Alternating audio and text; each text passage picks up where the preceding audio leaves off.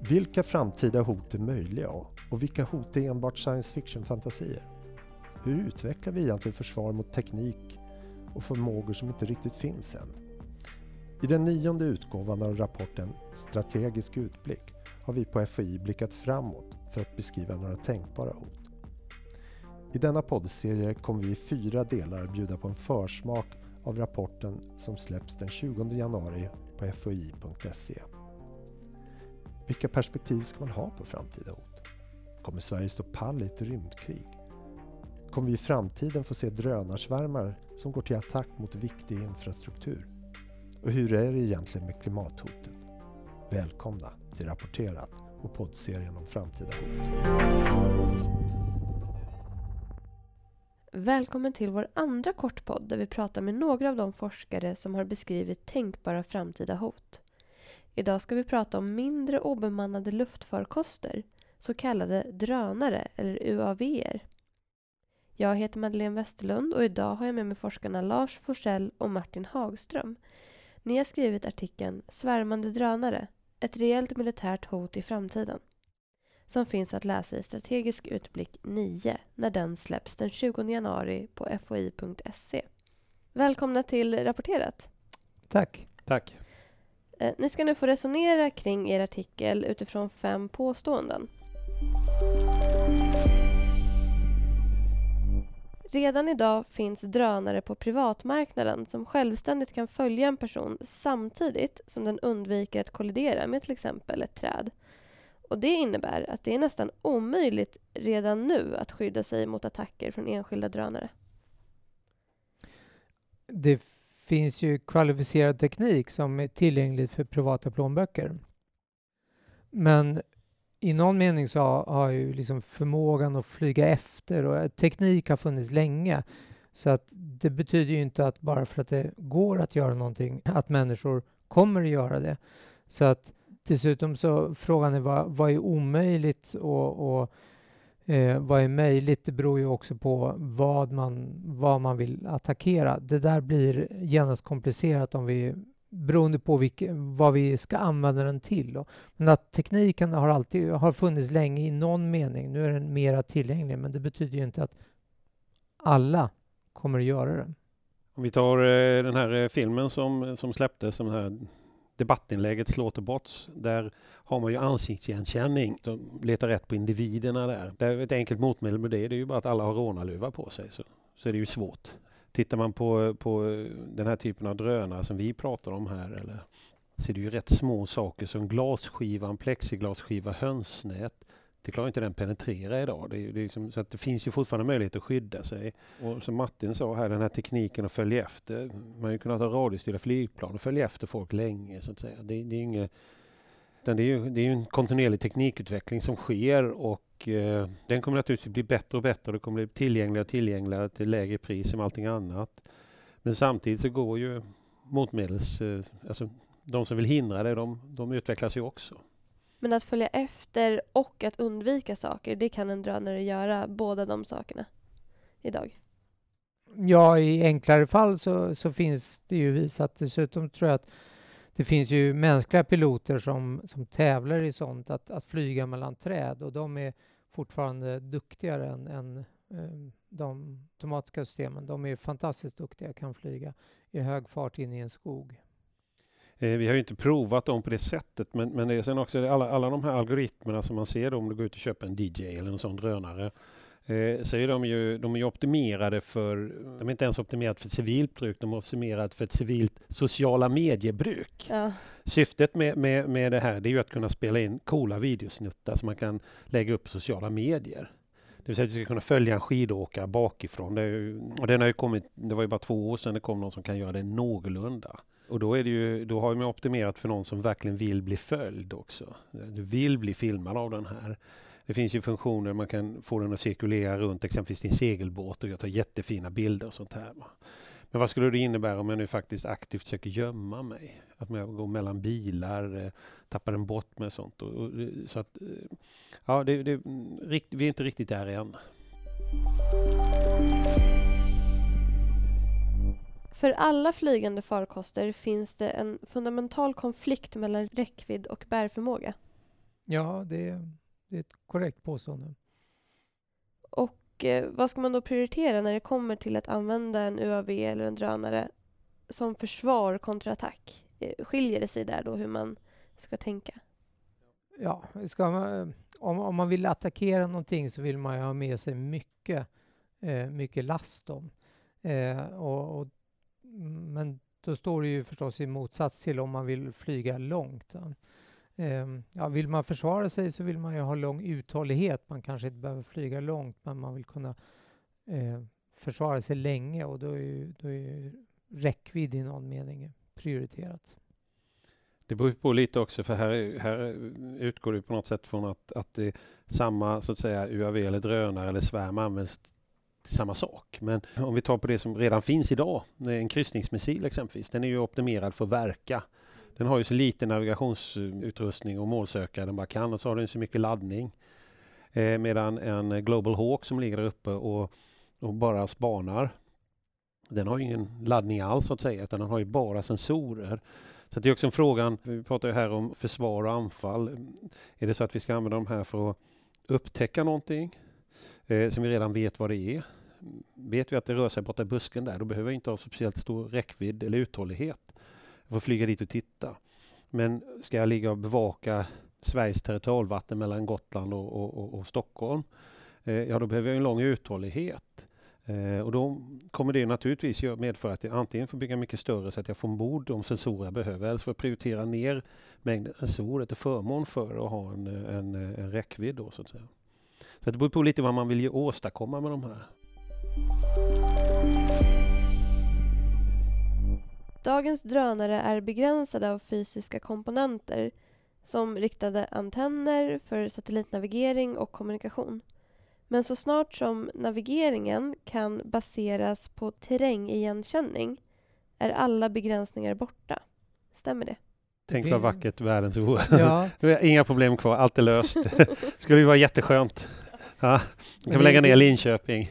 Precis, det finns ju fortfarande grundläggande liksom, fysikaliska begränsningar kvar. Och man behöver ju kunna kommunicera, det kan man inte göra bara för man råkar veta var man är terrängigenkänning är ju fortfarande olika om det har snöat eller inte snöat. Så att det, det är en av många funktioner. Dessutom så ska man ju kunna planera och så där. Så att, ja, det är en viktig, men det är en av många funktioner. Och, och tittar man, eh, åtminstone som en, man, man tror sig komma fram, om vi har, om vi nu pratar om svärmar med drönare, så kommer ju alltså tillgänglig tid i luften så att säga, eller eten, om man får använda det begreppet, eh, kommer vara begränsad. För om alla vill prata samtidigt så kommer bandbredd med största sannolikhet fortfarande ha, en, ha begränsningar. Det vill säga det finns en viss mängd information som vi kan föra över eh, givet en viss tids... Eh, och skulle vi ha hundra drönare på ett område så kommer det bli trångt i luften liksom och, och, och kunna prata i de banden som finns. Eh, vill vi sen då dessutom utbyta information. Information är ju lite speciellt för det beror på vad som ska utbytas. Om du och jag ska träffas och ta en fredagsöl eh, och vi har bestämt att vi ska gå på Rish. Bra ställe för. eh, och vi ska göra det ikväll. Så behöver vi bara utbyta information om vilken tid. Mm.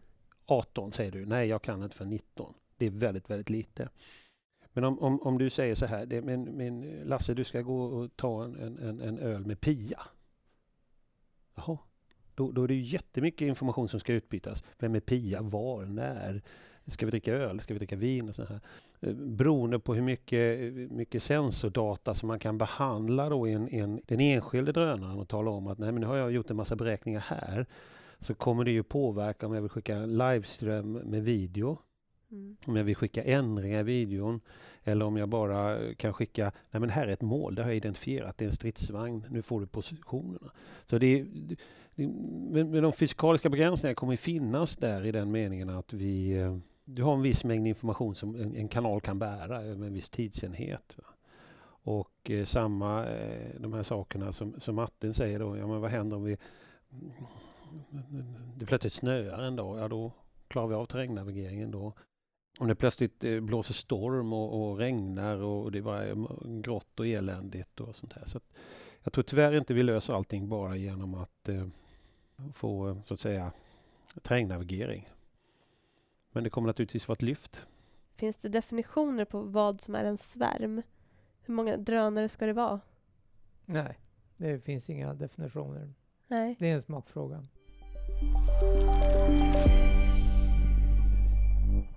Utvecklingen inom artificiell intelligens gör att vi i framtiden kommer att få se tungt beväpnade drönare som snabbt kan växla mellan att gå från en samlad svärm till att sprida ut sig och agera på egen hand.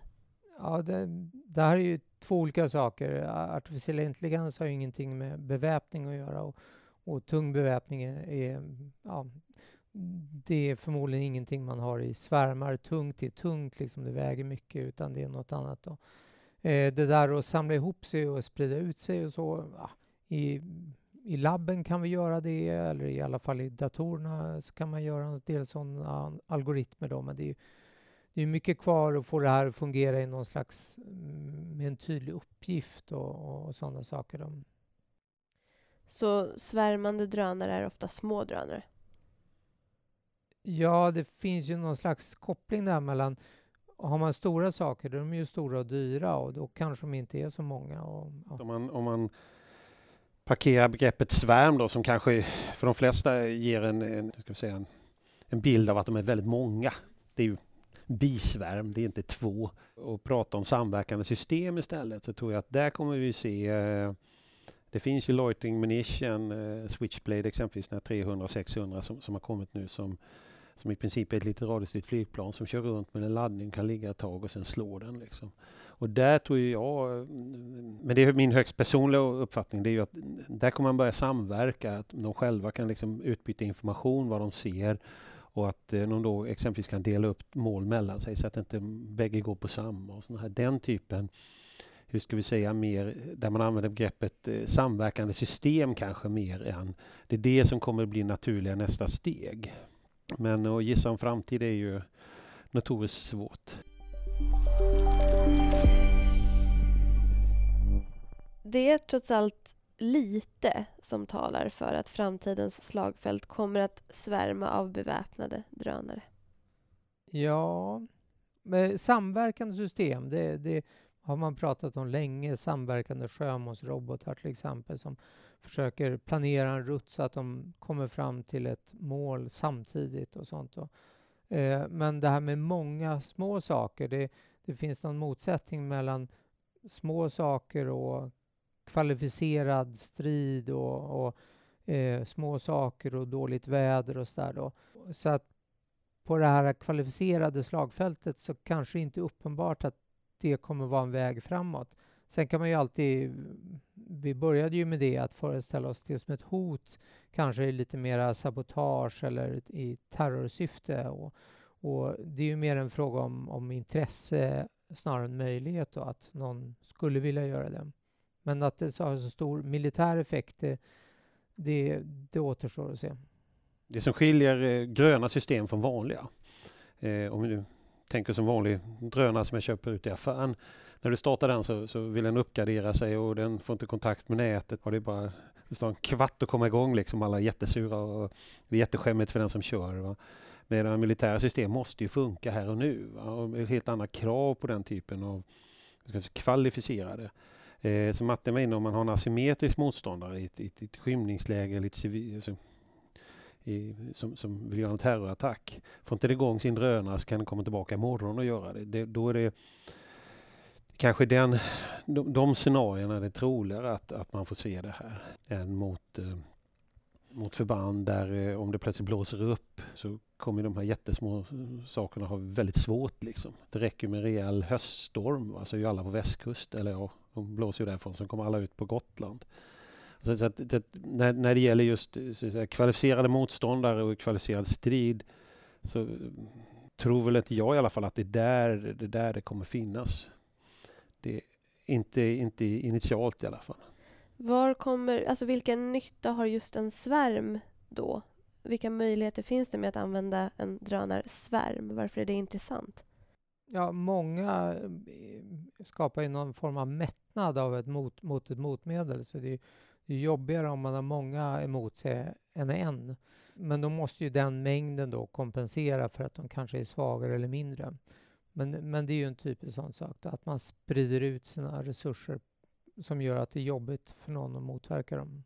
Man kan täcka stora ytor kanske och sånt här. Då. Det är egentligen en forskningsfråga som vi ska försöka bryta i här framöver. Det är ju när är just en svärm bra och när är den dålig? Om, om, om vi har två svärmar, är den ena bättre än den andra? Men generellt sett om, om vi tre ska leta efter någon i, här och en kan titta från ett håll och någon annan tittar från ett annat håll, den typen av samverkan. Och det, finns ju, det finns ju egentligen två fundamentala eh, samverkansformer. Eller ska vi säga, det ena är ju collaboration, alltså sam, samarbete och, och det andra är coordination. När vi pratar om samarbete, det är enkla. Om, om du står på mina axlar så kan vi kanske nå det där äpplet som ingen av oss kommer åt. Och det andra är ju att vi vill kunna samexistera. Eh, och ett lysande exempel på det är att vi har sagt att det finns högerregel och högertrafik. Då, då, då, kan vi utan egentligen ha något informationsutbyte mer än att vi ser varandra eh, ändå bedriva verksamhet utan. Så det finns liksom som de här fundamentala problemen och det är när, när eh, just eh, säga, samverkan, att försöka plocka åt sig äpplet som är kanske det intressanta i, i när vi tittar på svärmar. Hur, hur kan vi lösa en uppgift som man kanske är svårare att lösa enskilt genom att vara flera och samverka. För en svärm är ju inte heller diskret, gissar jag. Den är ju lätt för en fiende till exempel att upptäcka om man försöker övervaka någonting eller spana på någonting. Kanske, kanske inte. Det är, det är också en, en sån fråga som man faktiskt studerar just nu. Hur, hur, jag menar, när vi ser med ögonen många, då ser vi, ja, ah, där är de. Men eh, för en radar kanske de inte alls ser ut som ett, någonting lättidentifierat. Det är också en fråga. Man kanske kan luras och se ut på ett helt, som något helt annat. Då. Och, och, det kan ju också vara så här, kan ju, man kan ju använda det som ett verktyg för att vilseleda genom att ge ett sken av att vara något helt annat. Men, men just nu så tror jag att de flesta ser nog möjligheter att kunna göra eller möjligtvis ett hot då, men, men det är ingen som riktigt vet idag. Spännande. Eh, avslutningsvis så är jag väldigt nyfiken på, har ni någon favoritfilm på temat science fiction? Ja, Martin, börjar du? Det, det var ju, eh, kopplat till det här så kan man ju titta på filmen Screamers som är en filmatisering av eh, eh The Second Variety av eh, Philip K. Dick.